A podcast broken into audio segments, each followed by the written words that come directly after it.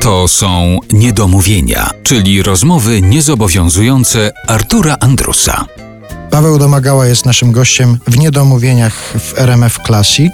Sądząc po tym, jaką popularność zdobył na przykład ten utwór Weź nie pytaj, ty już powinieneś zaznać takiej popularności masowej, rock'n'rollowej popularności. Zdarzało się już, że cię kiedyś na przykład musieli, nie wiem, ochroniarze przeprowadzać przez jakiś tłum, że znajdowałeś części garderoby gdzieś pod sceną. Nie, nie, nie, nie znajdowałem części. Raz y, jak nie musieli przyprowadzić ochroniarzy, ale to była zbiorowa impreza bardzo i to w ogóle jakieś było... Ale tak to nie, nie mam jak, jakby z tym problemów.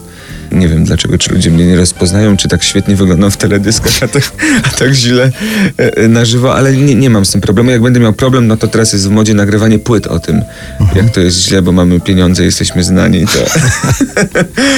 ale ale nie, nie, nie, nie, nie mam z tym problemu. Też prawdopodobnie jest to spowodowane tym, że, że, że, że nasi odbiorcy, no ja, ja uważam, że są jednak bardzo inteligentni i nawet jak się e, spotykamy po koncertach i rozmawiamy, to, to naprawdę fajnie po prostu się gada.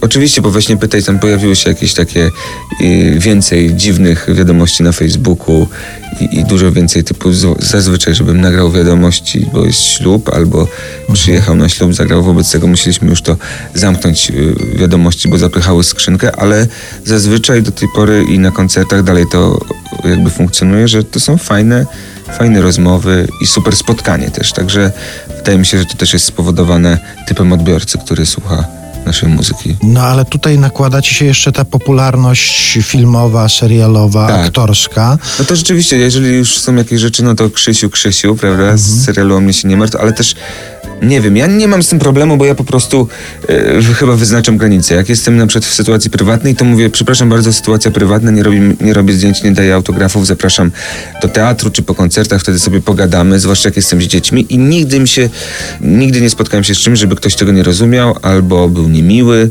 No chyba, że to jakieś sytuacje wakacyjne i ktoś jest po dwóch piwach, no ale to wtedy nawet nie ma co się tym przejmować i, i dyskutować, ale nigdy nie miałem jakiejś takiej niemiłej sytuacji.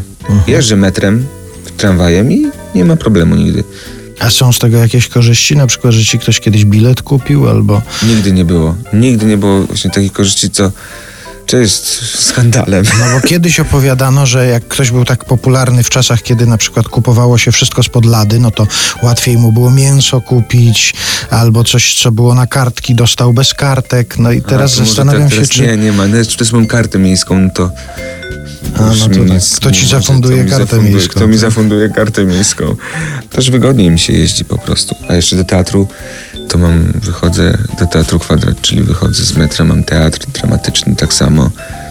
Zauważyłeś jakiś przepływ na przykład tej publiczności, albo przynajmniej, czy docierają do ciebie sygnały takie, że ludzie, którzy posłuchali twoich piosenek, potem szli twoim tropem i na przykład zaszli do Teatru Kwadrat? Tak, tak, często. Czy to Teatru Kwadrat, zwłaszcza na Eksterminatora. Tam też y, śpiewam wobec tego ten spektakl.